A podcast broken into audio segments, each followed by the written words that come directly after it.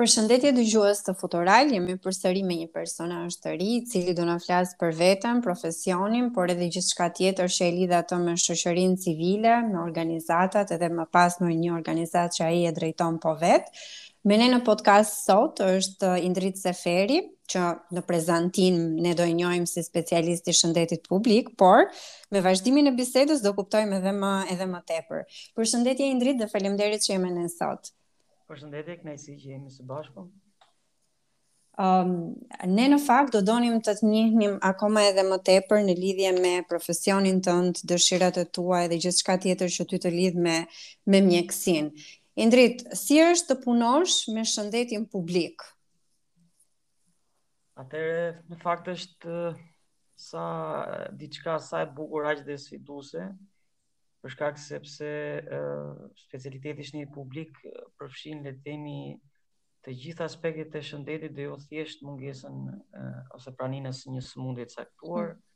Janë shumë elementë që merr në konsideratë dhe është le të themi një sfidë. Për më tepër, duke parë dhe le të themi tranzicionin e profilit të shëndetit publik, gjatë vitit të pandemisë neve kemi hasur më shumë si term epidemiologji shëndet publik, qoftë se më përpara le të themi ishte pak më e largët si terminologi, tashmë jemi më afër, që do të thotë sa e prekshme dhe sa e nevojshme dhe sa duhet investuar le të themi në këtë fushë, qoftë nga komuniteti, qoftë nga specialistët, dhe se sa kujdes duhet të tregojmë në, në mjedisin që na na rrethon dhe pastaj ë për të gëzuar le të themi një shëndet sepse kryefjala e çdo teme diskutimi përgjithësisht është shëndeti dhe ne kemi edhe shpreh le të themi në popullin tonë me shëndetin dhe të kesh sa më shumë shëndet dhe normalisht është gjëja më e rëndësishme për secilin nga ne.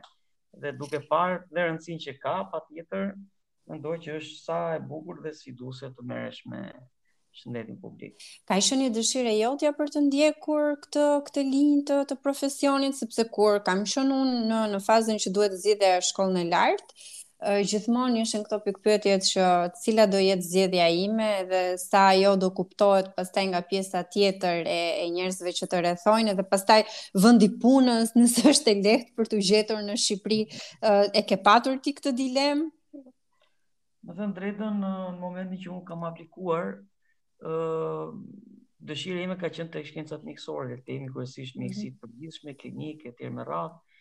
Mirëpo, uh, atë vit që unë konkurova, pashë një specialitet të ri që fillonte që në fillim le të themi dhe shmangte atë kalvarin e gjatë prej 10-12 vite që i shkon një, uh, një mjeku, le të themi deri në fazën e formimit të tij, uh, dhe kjo kohë reduktohej vetëm në 6 vjet, kështu që u interesova menjëherë për këtë specialitet të ri, Dhe me thënë të drejtën në momentin që unë kisha mbaruar gjimnaz, që sa kisha mbaruar gjimnazin, drejtoresha e shkollës atëherë që ishim në gjimnaz, që ishte dhe gruaja e ish presidentit Rexhep Meidani, thotë Endrit thotë shikoje thotë se edhe kjo degë nuk është Nuk është fort keq për ty duke të njohur dhe tipin në gjimjet. Ke, ke, pa, ke patur këshilltare të mirë. Ë dhe bëra një hulumtim me thënë të drejtën, pak më më të detajuar mm -hmm. për pak që ato formularin dhe u binda plotësisht pastaj që zgjidhja ime ishte në zgjidhja e parë ishte shëndet publik, në ndryshim nga një pjesë e mirë të kolegëve që donin të zgjidhnin mjekësi të përgjithshme ose klinike. Në fakt, më rezultoi e suksesshme zgjedhja, personalisht jam i kënaqur, pavarësisht sfidës në vendin tonë, sepse në vendin tonë ka pasur një le të themi një, një, një zhvillim pak më të vonshëm si degë dhe deri vonë nuk para kuptohesh edhe vetë nga specialistët dhe nuk investoheshen më të një fill sepse në fushat mjekësore gjë bazike është të kurosh, të trajtosh dhe të kurosh, mirëpo sot e dimë shumë mirë që më mirë se të kurosh dhe trajtosh është të parandalosh. Të parandalosh, po ti. Dhe normalisht të investimet fokusohen te kjo pjesë, jo sepse pjesa tjetër duhet neglizhuar. A nxori në pah problematika të shëndetit publik periudha e Covidit, sepse sa vjen si periudhë shtohet edhe normalisht që çdo sektor i shoqërisë edhe çdo profesion në një mënyrë apo në një tjetër u prek. Uh, si si kaloi sfidat shëndeti publik? Se unë të kam parë që ti je aktiv edhe në media edhe jep kontributin tënd kur bëhet fjalë për çështje që lidhen me me shëndetin, mjekësinë dhe qëndrimet që duhet të mbajmë rreth saj. Atëherë normalisht çdo çdo element që cenon shëndetin e popullatës le të themi përbën objekt pune, objekt studimi, objekt hulumtimi, edhe vendimmarrje në lidhje me pjesën e shëndetit publik. Në këtë rast kërcënim i shëndetit publik ishte pandemia.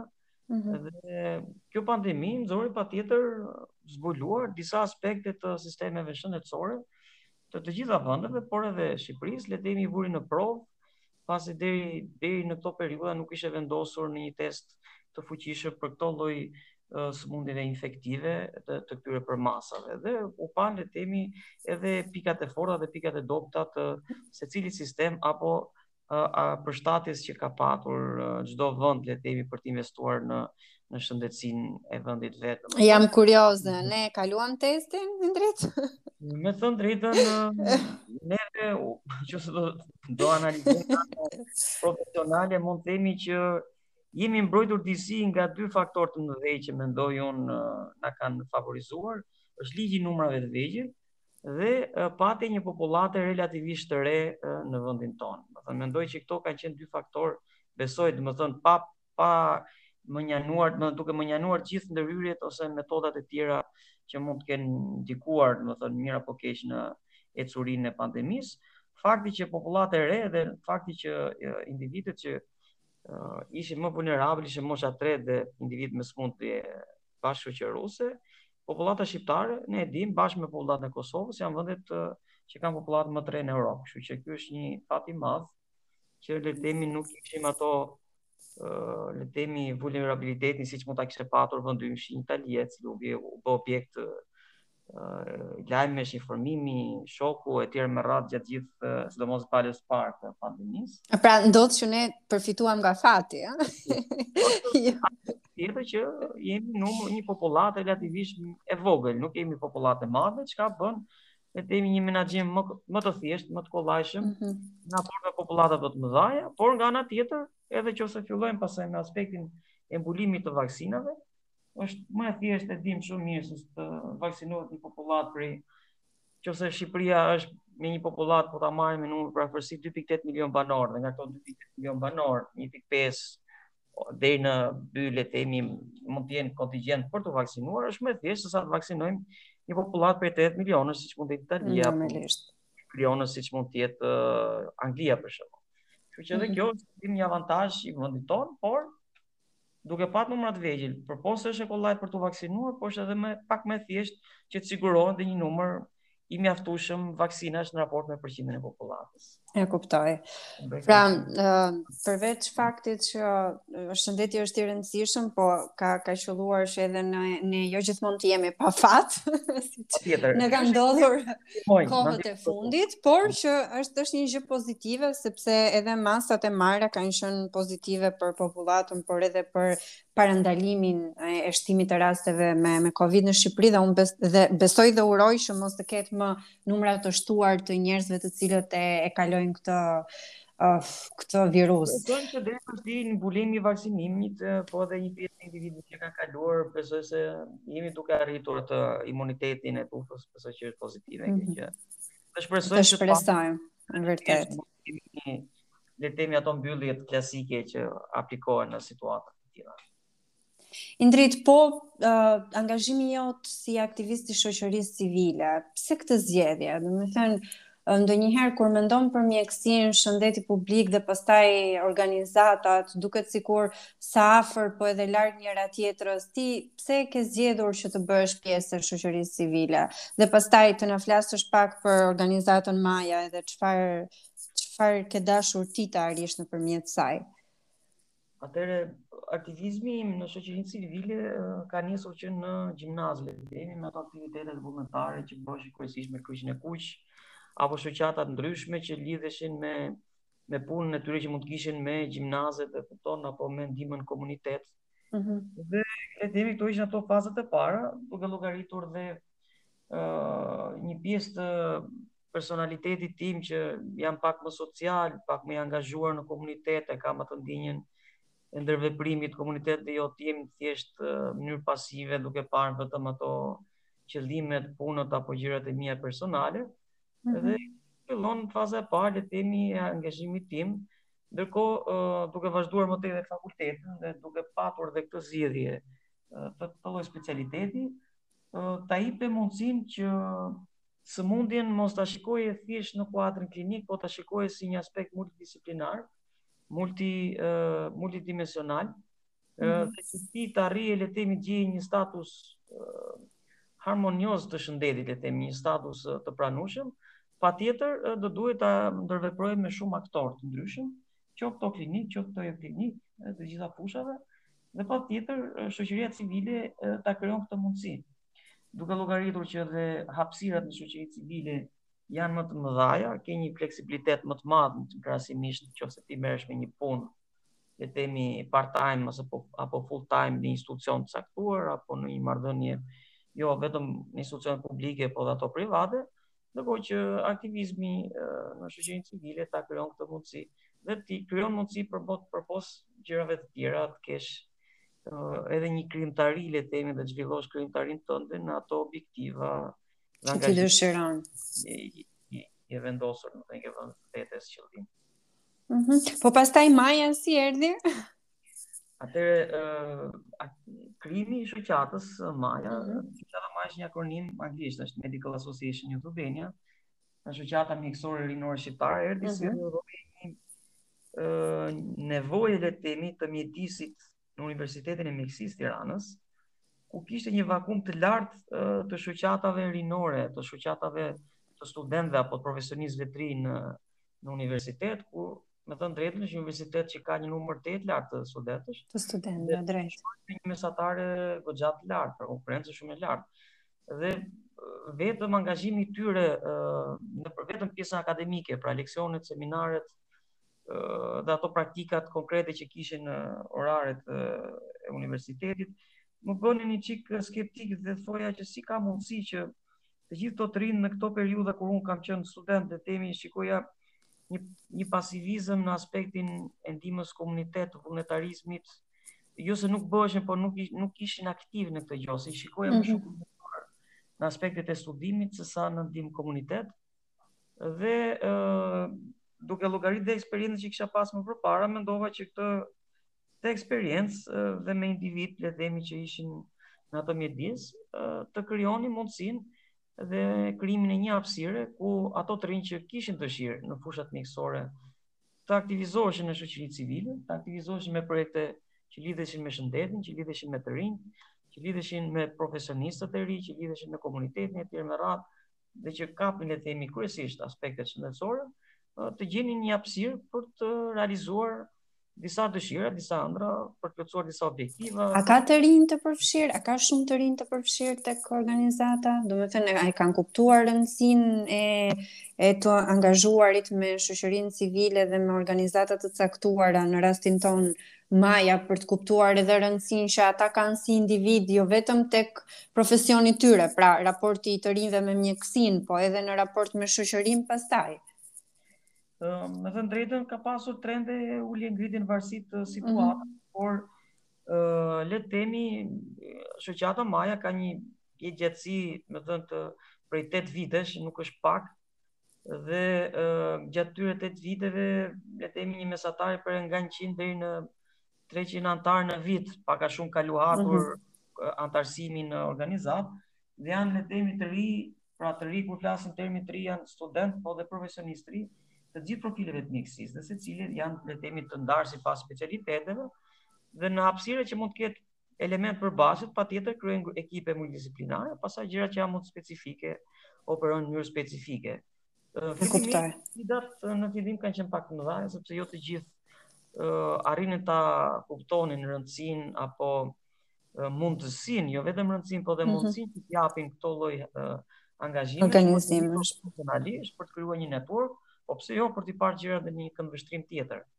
që mbase një student apo një i ri në fushën mjekësore nuk është mësuar në Shqipëri ta, ta shikojë, dhe patjetër gjatë angazhimeve secili ka përjetuar ato eksperiencat e veta, dhe patjetër këto eksperienca janë ndarë me kolegët, me studentë të tjerë, dhe patjetër ato që kanë parë veten që i ka vlejtur që janë ndier mirë, apo kanë gjetur veten, apo kanë krijuar hapësira që të rriten profesionalisht, kontribuojnë komunitet, patjetër janë përshirë dhe kanë treguar talentin dhe aftësitë e tyre. Në fakt, dhe për këtë më vjen, më vjen mirë që, që e dëgjoj në fakt. Por, por jo vetëm kaq, por edhe fakti sepse siç e dimë kohët e fundit, kemi një trend tejet të lartë të largimit të të rinjve nga shëndetësia. Në fakt këtu do doja këtu do do doja të dilja dhe më vjen mirë që që arrite te kjo pjesë ti, por Kur analizojmë këtë raportin e të rinjve me mjekësinë edhe me dëshirën pastaj për të lëvizur jashtë vendit, edhe nga një studim i INSTAT-it, tregohet që të rinjtë të cilët mbarojnë pra janë profesionistë në, në degët e mjekësisë, preferojnë të largohen dhe Pashë dhe kuptova që ka edhe një trend të rritur të vajzave për ta ndjekur këtë si shkollim. Pra, si e interpreton ti duke qenë se je gjatë gjithë kohës duke punuar me të rinjtë, po edhe me me diskutuar për çështjet e mjekësisë, si si si të duket ky ky fenomen? Atëherë, le ta nisim nga fundi.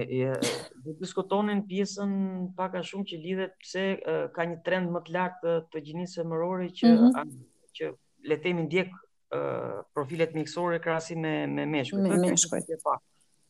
Kjo pyetje mbase përgjigja mund të vijë edhe për shkak se përgjithësisht me trendin e ri të maturës, vajzat janë pak më më korrekte apo më detajiste apo më të kujdesshme në mbledhjen e atyre pikëve apo notave mesatare dhe për të arritur le të themi për të kaluar ato filtrat. krahasimisht me meshkujt që përgjithësisht janë pak më neglizhentë, le të themi, janë pak më praktikë. Dhe mendoj mbase mund të jetë ajo efekti që femrat përgjithësisht dalin pak me mesatare më të lartë, sidomos në gjimnaz, krahasimisht me me djemt. Me djemt dhe kjo besoj mund të jetë një element favorizues. Pastaj duhet llogaritur dhe faktori kohë, sepse tek meshkujt sidomos të paktën këtë dekadën e fundit, vihet re, le të themi një trysni më e madhe, le të themi për të pat, për të marrë rezultate në punë, apo le të themi pritshmëria familjare, pritshmëria shoqërore, po edhe pritshmëria për të krijuar familje, pse jo, domethënë, dhe uh, kohëzgjatja e, e shkollës, e shkollimit uh, në universitetet e mjekësisë, nuk ta jep dot këtë mundësi që ti të marrësh një rezultat për një kohë shumë të shpejtë. Mbase edhe kjo mund të jetë le të themi, mund të jetë një topik për t'u analizuar. Mhm, mm patjetër, sapo hape një çështje tjetër për diskutim. Të, të diskutuar në lidhje me largimin e të rinjve domethënë të drejtën kontingjenti më i madh në përqindje që është duke u larguar, janë ato të rinj që janë të shkolluar mjek ndërkohë që kemi edhe një kërkesë të lartë të specialiteteve mjekësore, sidomos në në Gjermani dhe është le të themi këtë dekadë është një magnet për të rinjtë në, në Shqipëri. Sa gjë e mirë sa gjë e keqe, mund të jetë gjë e mirë në aspektin individual, pra le të themi një vend që të ofron standard profesional, le të themi rritje profesionale në nivelet e vendeve perëndimore ku kanë kushte, mundësi e tjera me radhë, jo vetëm logjistike për të punuar dhe për t'u edukuar, por edhe kushte të aspektit ekonomik që është një nga temat më të mprehta dhe më të më delikate për rininë shqiptare. Për mua, domethënë, personalisht, që kam vendosur deri diku të jetoj këtu dhe të, të zhvilloj jetën time, mendoj që është një minus shumë i madh për vendin tonë, në terma makro sepse të gjithë këta të rinj gjithë këto asete nuk do shfrytëzohen le të themi nga vendi jonë apo komuniteti jonë, por duhet marrë në konsideratë dhe një gjë tjetër që Shqipëria është vendi që ka numrin më të vogël të mjekëve për banor në Europë. Domethënë jo vetëm në, Balk në, në Europë dhe në Ballkan, le të themi, ku kemi 1.1 mjek për 1.000 banorë, ndërkohë që mesatarja e Ballkanit është 3.5, Ndërkohë mesatarja e Bashkimit Evropian është 5.5, kështu që dhe këtu kuptojmë pastaj ku e kemi problemin. Kemi dhe kjo është një, një sfidë e madhe. A ke ti po- një mesazh për të rinjtë që duan të largohen dhe ndoshta kjo që do ti t'i thuash i vendos ata në pikëpyetje se jo gjithmonë duhet të mendojmë për atë interesin momental personal, po edhe më edhe më gjerë.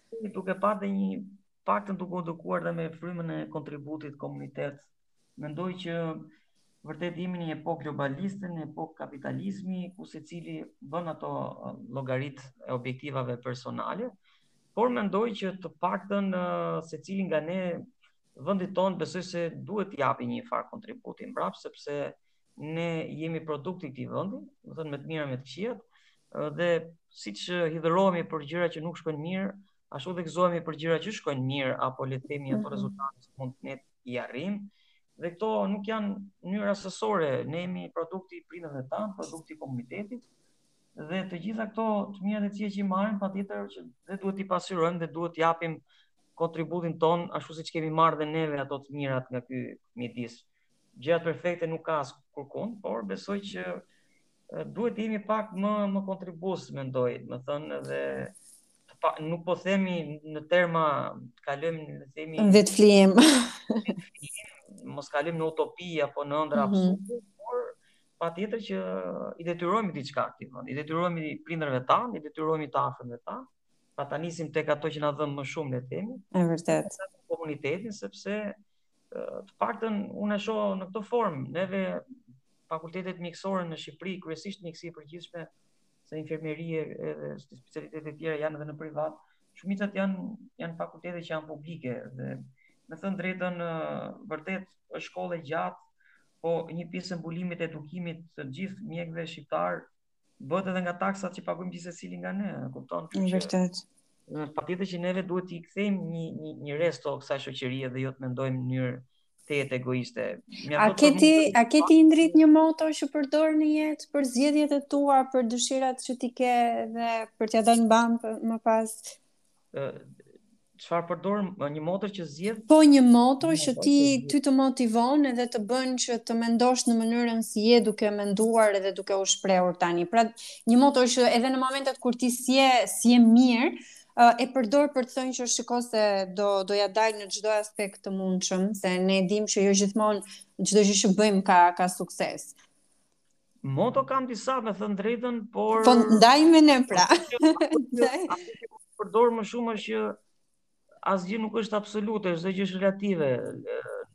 Kjo është njëra pjesë me idenë që neve çdo lloj sfide apo çdo lloj problemi që mund të na shfaqet, s'duhet të jetë objekt i frustrimit, demotivimit, le të themi, apo mbylljes në vetvete, apo fajsimit të të tjerve për ato që kanë ndodhur. Mm -hmm. E rëndësishme është fakti që ne duhet të bëjmë më të mirën e mundësive që kemi. Pastaj, se çfarë rezultati marrim dhe sa cilësisht i marrim këto rezultate dhe se si janë konditat, këto pastaj jo të gjitha varen nga ne, po të paktën ne duhet të bëjmë më të mirën e mundshme me ato që kemi mundësi. Të paktën kjo është motoja ime, domethënë që përpiqemi për të bërë më të mirën me ato mundësi që kemi.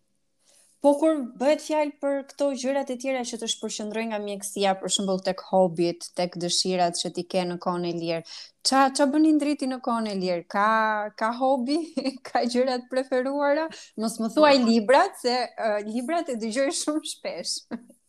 Tashti bazën të për trendi të të libra, po pa të librat kur s'ka qenë kaq trendi, e të më thëmë, të rrjetet sociale, shohin njëri tjetrin dhe krijojnë dhe diçka të olet dhe një tema të një të ris, por patjetër që hobi ka, besoj çdo njeri ka hobi, po në qoftë se praktikon ato, dhe aktivitetin e, e praktikimit të tyre. Besoj se për çdo moshë caktuar apo çdo periudhë caktuar secili nga ne është i predispozuar që të bëjë një hobi pak më shumë krahasimisht me një hobi tjetër. Patjetër hobit që unë le të themi që praktikoj më shumë janë sporti. Duke duke eliminuar këtë pjesën e leximit që patjetër që është ajo, fakti që mbaron mjekësi s'besoj të vihet në diskutim fakti të lexuar. Patjetër, patjetër. Sporti, kërcim, sport, le të themi, muzikë, Këto janë një, një pjesë e mirë, domethënë noti, le të themi, këto janë mhm. që unë mendoj praktikoj ose hiking për shembull, ecjet në natyrë, le të themi i pëlqej jashtëzakonisht shumë dhe mendoj që janë elementet, sidomos eh, hobi që lidhen me aktivitetin fizik. Domethënë, i shijoj jashtëzakonisht shumë, duke llogaritë edhe pjesën që mbase harxhoj edhe një kohë të gjatë me libra, me revista shkencore, me pjesën akademike, me kolegë e tjerë me radhë, besoj që mbase është dhe një vakum që nga ky mjedis le ta themi zyrës klasike apo punës klasike, e nevojës që edhe neve të alternojmë këto mjedise me këto hobit të, të tilla. Patjetër. Edhe një tjetër që unë e praktikoj gjatë gjithë kohës, që po, mund të mund të mund të quhet hobi është është bicikleta që unë gjatë gjithë kohës lëviz rreth 90% të kohës me bicikletë. Dhe është gjëja më e mirë që mund të bësh në rrugët e Tiranës. E shijoj jashtëzakonisht shumë. Më vjen shumë mirë. Është është periudha, jemi në fund të korrikut. Ke ke plane për pushime? Ke ndonjë vend të preferuar në Shqipëri? Mm, vendi i preferuar është Shqipëria, kështu që në Shqipëri. Në Shqipëri, kështu që çdo vend besoj ka veçantinë uh, të vet. Varet pastaj uh, kohën kur ti zgjedh për ta vizituar dhe me me cilët njerëz e viziton. Besoj se këto janë elementet më të rëndësishëm, të cilët na na bëjnë që ta shijojmë atë lëvizje apo pushim që neve zgjedhim ta kalojmë diku apo diku tjetër. Indrit, ne jemi në fund të podcastit dhe 25 minuta kanë kaluar, po shkon minuta 26 dhe unë do doja shumë të të falenderoja dhe të të pyesja nëse ke diçka të fundit për ta për ta ndarë me ne. Atëherë falenderoj edhe një herë për uh, podcastin dhe për ndarjen e eksperiencave uh, jetësore. Uh, ajo çka unë doja të lija si mesazh në fund të këtij podcastit është që t'i thoja të rinjve ta duan vendin e tyre, të punojnë më fort këtu, t'i fitojnë sfidat siç i kanë fituar një pjesë të sfidave prindërit tanë, besoj dhe të jenë sa më bashkëpunus me njëri tjetrin për të përmirësuar vendin, veten. Indrit, unë të falenderoj shumë dhe uh, shpresoj edhe uroj të kalosh një verë shumë të mbarë dhe uh, të dëgjohemi në iniciativa dhe në raste të tjera ku duhet do flasim akoma dhe më tepër për sukseset e shëndetit publik, por edhe të organizatës që ti ti je duke drejtuar. Unë të falenderoj shumë. Faleminderit, kënaqësia është e imja, gjithë të mirat.